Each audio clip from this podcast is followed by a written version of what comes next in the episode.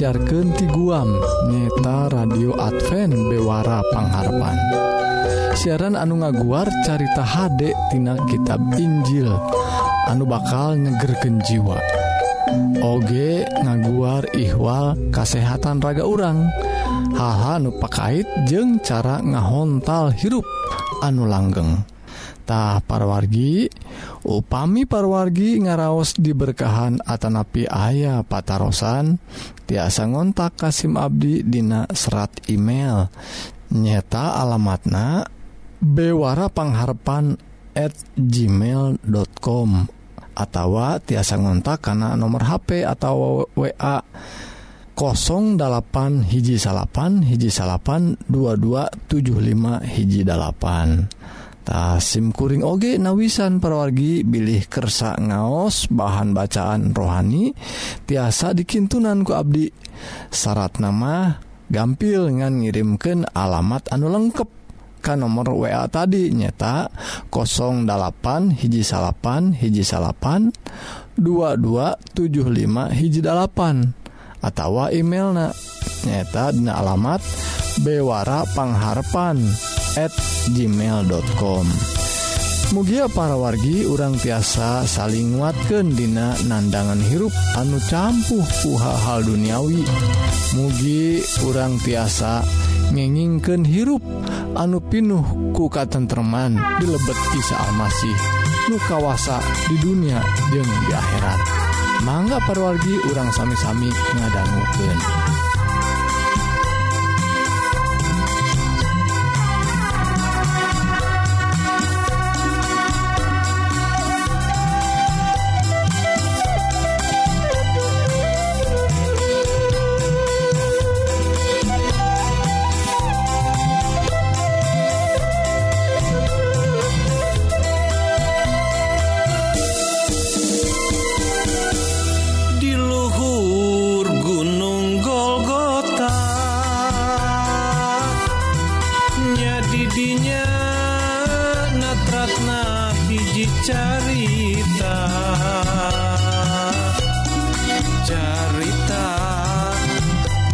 asih jengka tresna.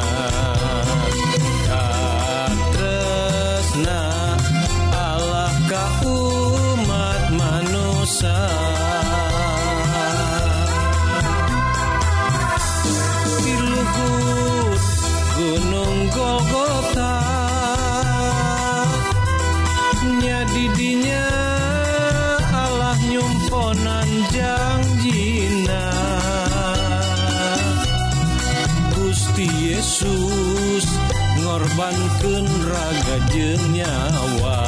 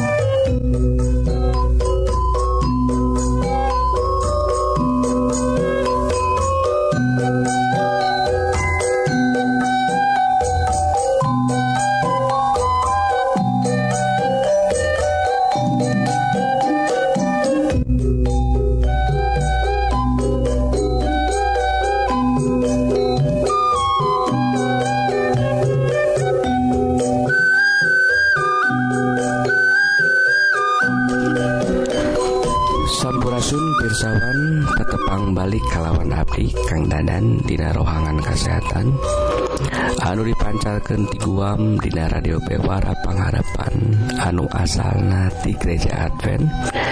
Anu disayogiken Dina bahasa Sunda.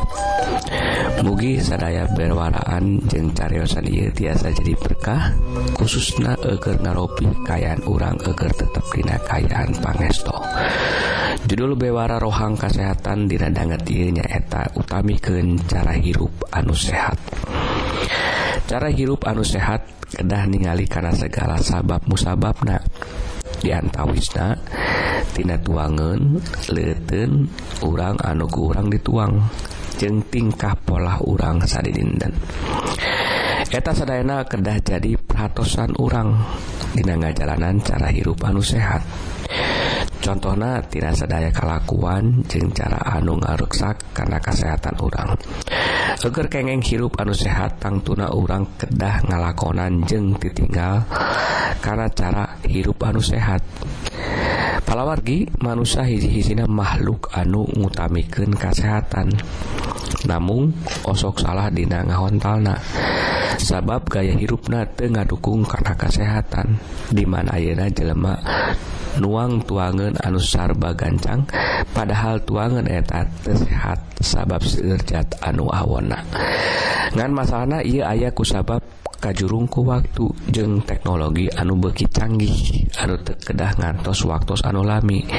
Sadana tiasa ngansa kejap tos danten tesiga kapungkur janggu kedah diisikan terus dikukus tos gitu diakel sinetiis tapi enak naon tinggal coloken karena listrik tuangan 20 menit tos asak jeng terkedah diakel cara hirup anu kil atau tetiasa kajauken tina kehidupan manusia dina waktu status ayena tapi sedayana eta anu nyebabkeun cara hirup urang tersehat kusabab gitu sapertos perkawis kapinteran atau kabisa kena dipidamel kesehatan oge ngebutuhkan kabisa. Ame tiasa jadi bener.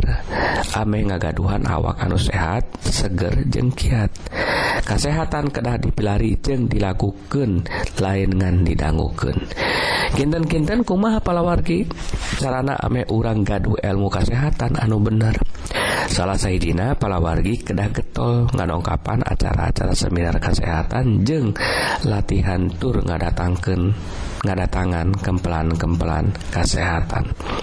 Sabab gaya hirup anu sehat bakal datang tina ngaidina urang kana lingkungan anu ngajarkan kesehatan. Selain teta Oge urang kedah rada tarati karena tuangan dimana anu dituang tuangan anu sehat anu te digoreng jengirangan leten anu seueur soda kopi alkohol anu tiasa masihan tilas anu kirang sae kanggo kesehatan urang. bulatkan kahoyong urang eger gaduh cara hirup anu sehat. tiasa kurang diupayakan nyata cara tuang anu bener istirahat anu bener olahraga anu bener jengka jauh dinazat adiktif jeung keimanan orang anu sehat. Emang sadayana mual tiasa kahontal tapi urang kedah gaduh tekad eker hirup ku cara anu sehat jeng bener. Sepertos polusi limbah jeng serangan radikal bebas urang mual tiasa nyingkah. Kusabab atus ayah desa keliling urang namung ku gaduh cara hirup anu sehat jeung tiasa ku urang diupayakan bakal ngadatangkan hasil anu minimal karena kajaunatina dampak anu gorengtina lingkungan. Seeur lobana orang bakal gaduh taragi anu cekap eger gaduh daya tahan eger ngalawan segala panyawat. Jadi palawargi anu dipikasi ku Gusti Hayu urang bulatkeun tekad urang kanggo orang gaduh cara hirup anu sehat. Jeung urang ulah ngedul kanggo diajar carana najeng neang dimana wae kanggo urang pinter dina ngajagi kesehatan awak kurang tasak itu palawargi ulasan simkuring dina rohangan kesehatan mugi aya tiasa jantan tampian ilmu anu saya eger urang serena rampes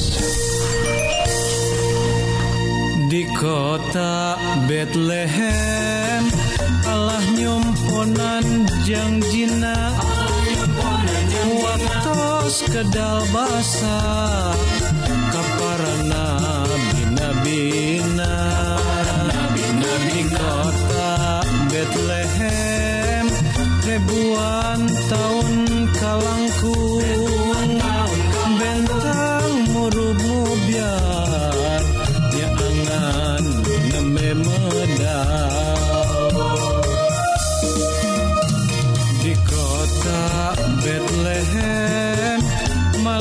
Malaikat nembang pujian. Maru jika Gusti yang gaken sembah pangbakti pangangon nyaksikan cumpona janji pangeran. Medal nasang raja juru selamat manusia Bethlehem lain kota pangletikna. Di anjen parantos menyal sang raja.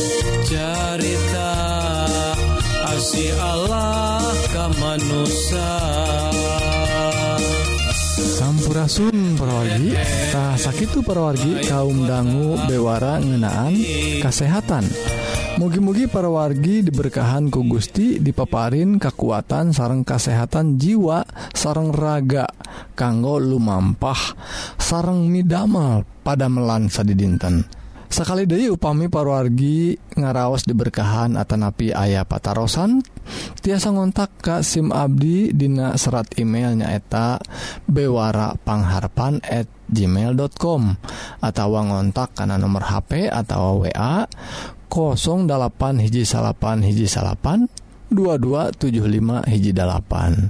Mugia orang tiasa saling watken Dina nandangan hirup anu campuh ku hal-hal duniawi. mugia urang tiasa ngingingken hirup anu pinuh ku katentreman di lebet Isa Almasih nu kawasa di dunia jeung akhirat. Salahjengnah parwargi Hayu atuh kaum dangu urang sadaya terasken karena rohang rohani anu bade ngaguar pengajaran kanggo bawaun hirup di akhirat nu unggel natina kitab suci. Sumangga jeng ngadang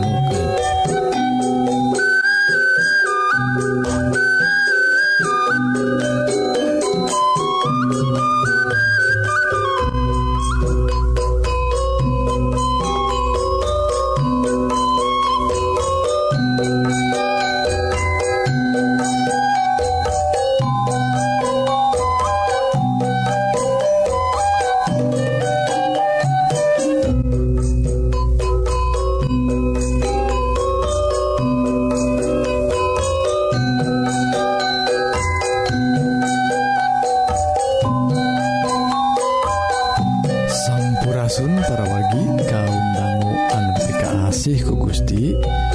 Rohang rohani dinten Ieu. Judulna Jalma lumpuh. Anu dicutat Tina Injil Markus pasal 2 ayat hiji duikeun ke ayat 12 Ky kasurken cariosan ngenaan jalma lumpuh para wargi. Bejana di Nasaret ayah guru anu bisa ngubaran segala panyakit. Nahnya gitunya gitu paterosan jalmi-jalmi harita parwargi. Eta bejate nyebar kemana-mana Yesus aya di mana baik oge pasti kumaranena dijugjug dipilarian parwargi. Segala rupi jalmi dina kasus panyawat naon oge ngahaja milarian ngajugjug di mana wae Yesus ayana. Anu gering dibawa ke Anjena sarta terus dicagerken anu lolong anu torek jeung anu pire kabeh dicalagerken ku Yesus parorgi atuh Yesus teh harita mani kakoncara pisan parorgi ku anje nama panyakit naon bay oge boh panyakit badani boh panyakit rohani bisa dicagerken parorgi lantaran anje nama ti Gusti tos nampi kawasa anu khusus jangan ngadamangken anu garering. tah Gusti Allah tos maparin kawasa ka Yesus Kristus Kais Almasih kanggo nyagerken segala panyawat urang parorgi takut sabab gitu parorgi umat jadi palercaya karena kasauran Anjena percaya karena kecap-kecapna sarang pengajaran pengajaran anu dia diulangkan ku Isa Almasih. Parwargi harita ayah hiji jalma anu lumpuh. batur-baturna percaya Yesus tiasa ngada mangken manehna. Lantaran manehna teh te bisa wala kaya pisan tulu bae digarotong kuopatan jeung samak-samakna dibawa parwargi. Etan lumpuh teh rek dibawa ka Yesustah harita Yesus nuju ngawulang. barang marahna tepi kanu dituju buruan Imah tempat Yesus ngawulang teh pinuh pisan ku jelema anuker ngadarennguken atuh maranehna teh te bisa asup dapat dedet tetiasa lebet karena panto pantona acan. Dati buruan ketos pada dat parorgi tulu baik ku maraneh eta anu Gering teh dibawa karena hatp tah kalluhur kalluhur imah pergi jalana karena tetecean luarin eta imah. Ta sanggus hatupna dibongkar dibongkar pergi ya imah anu luhur na teh hatupna dibongkar atau katinggal. Aya jalan kanggo kehanap nepangan Yesus. Kumarana anu gering teh diulurkan kehanap tah barang tangga Yesus ngaraos reus ningali kanyaah jeung kepercayaan maranehna. Perwargian pika asihku Gusti ia kasauran cariyosan dicariuskan ku Injil Markus ngenaan hiji Jalmi kita oge jalmi-jalmi anu nganterna anu opatan ayaah kawani sarang percaya pisan. percaya pisan Kaisa Almasih dugiken Anjena wani ngabongkar hatep Imah Batur teras diturunkan dakku yakin dicandaka Yesus mah anu lumpuh ia teh tiasa damang De tiasa lempang De tiasa lumpat De parwargi lajeng parargi saparantos tepang ku ku Isa Almasih disaurkan Ki dosa-dosa Anjen Gus dihampura. sauur Yesus keeta anu lumpuh. Lajeng ruina anu ngadanggu Yesus Kristus nyarios gitu sebuah Jalmi nyata ahli toret parorgi ngerasa tepanuju kecap-kecap Yesus teh sarta nyarita Ky wani-wani nyarita gitu angin Gusti Allah hungkul anu bisa ngahampura dosa mah. Gitu carisan maranehna teh. tah parorgi ruina ku Yesus diwaler pikiran sarang kecap-kecap aranjenate anu untuk percaya Kaisa Almasih anu ngahampura dosa. Kulantaran gitu marangku Yesus ditanya Ki pananya nate mana anu lebih gampang nyagerken anu lumpuh atau ngahampura dosa? kami nyarita itu supaya mareh nyaraho. Kami ges nampak kawasati Gusti. Bohjang nyagerken bohjang hampura dosa manusia teras baik Anjenanya Rios kan lumpuh tea hudang bawa samakna jeng gera baliktah parwargi kecap Yesus atau waleran Yesus ia nyanggemken yen dina dirina. Dina diri Isa Almasih aya kawasa kanggo ngahampura dosa. Tajalmi-jalmi anu kasebat ahli tore tadi nyanggemken yen Gusti Allah hungkul tekenging Isa Almasih nyebatkan ngahampura dosa kabatur wargi nepi kasih ke Gusti. Ia cariosan cariosan biasa. Dicutat Dina Injil kanggo jantan berkah kanggo orang kanggo jantan bukti kanggo orang lantaran yen leres-leres Dina dirina Isa Almasih ayah kawasa ngahampura dosa. Memang kasaur ke noge nu ngahampura dosa teh ngan Gusti Allah hungkul. Ku kituna urang teh ngagaduhan kesimpulan atau pelajaran anu sajati yen leres-leres. Yesus Kristus teh Anjena salahku firman Allah. Saraku dauhan Gusti anu ngajelma. Ngajelma jantan jelema. Jantan sami sami sarang urang. Tapi dina dirina ayah kawasa sapertos Gusti. Nyata hampura dosa. Kok itu nah hari tak kene. Jalmi anu dihampura dosana. Disaurkan ku Yesus dosa-dosa anjen dihampura. Hari tak kene jalmi eta teh tiasa mapah deui. anu lumpuh itu tiasa hudang deh sarang tiasa balik tenganggo digotong segala parogitah sakit itu parogi cariosan ngenaan kawasa Yesus anu ngahampura dosa anu ngahudangken de anu lumpuh kawasa anu tiasanya gerken segala panyawat gitu oge boh panyawat jasmani sarang oge panyawat rohani Hayu parogi orang tiasa dongkap Kaisal masih Ayeuna nyhunken nyhunken mujijat nyhunken orang tiasa dicagerkentina segala panyawat orang doa-doa orang Kaiman na Kaisal masih orang tiasa miharap kasembuhan kawalagerian ka dina diri urang sadaya. Mugi Gusti ngaberkahan Hayu parwargi urang doa Nun ama anu aya anu linggih disawarga Rebunuhun kulantaran berkah dauhan Gusti Dina dinten I mugi-mugi cariyosan ngenaan Isa Almasih ngajantenken Abdi percaya yen Anjena tiasa nyagerken segala panyawat Dina diri Abdi Ki oge panyawat dosa supados Abdi tiasa dihampura ku kawasa Anjena Nun Gusti ia pidoa disangakeun dina asmana Isa Almasih juru selamat.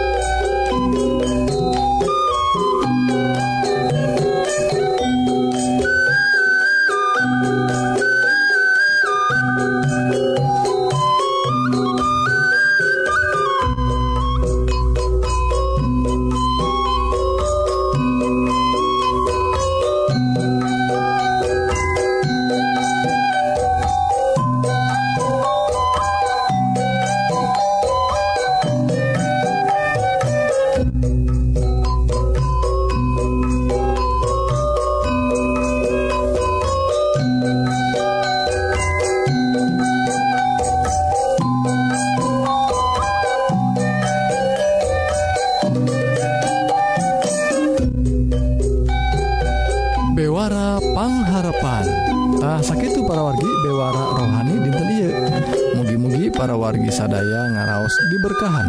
Sarang ngalaman hirup anu tengrem sapparantos ngadanggu dauhan Gusti anu pasti mual ingkar. Dina neddunan janjijangjiina tahu pami parwargi Hoong diajar dauhan Gusti anu langkung jeruk tiasa ngontak Kasim Abdi Dina serat email nyata bewarapangharpan at gmail.com atau ngontak karena nomor HP atau wa 08 hiji salapan hiji salapan 2275 hiji dalapan. SIMkuring OG nawisan Billy parwargi kersa ngaos bahan bacaan rohani tiasa dikintunan ku Abdi. Tak syarat nama gampil. Ngan ngintunkan alamat anu lengkap ke nomor WA anu tadi 08 hiji salapan hiji salapan 2275 hiji dalapan atau alamat email bewarapangharapan at gmail.com Mugia para wargi tiasa saling nguatkan dina nandangan hirup anu campuhku hal-hal duniawi. Mugi urang tiasa ngenginken hirup anu pinuh pinuhku katentreman di lebet Isa Almasih nu kawasa di dunia jeung di akhirat. Ridua Abi mugia Gusti berkahan ka urang sadaya.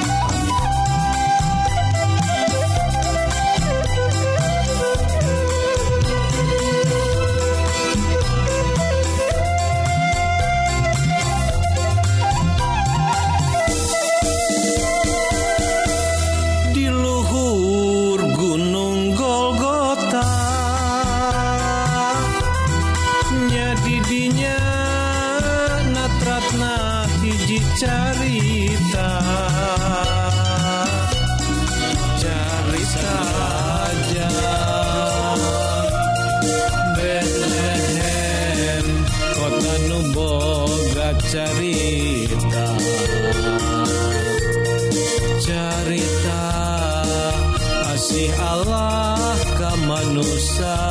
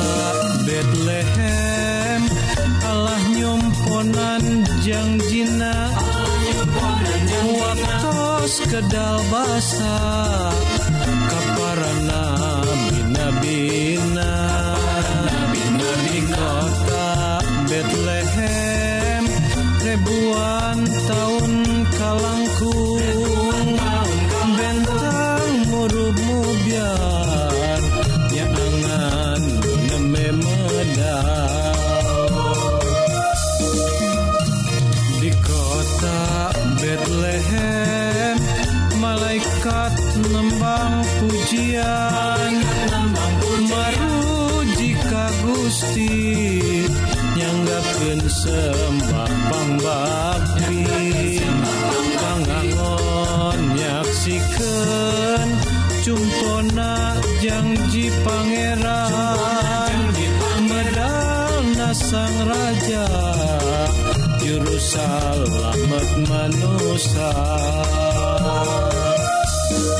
Bethlehem lain kota pangletikna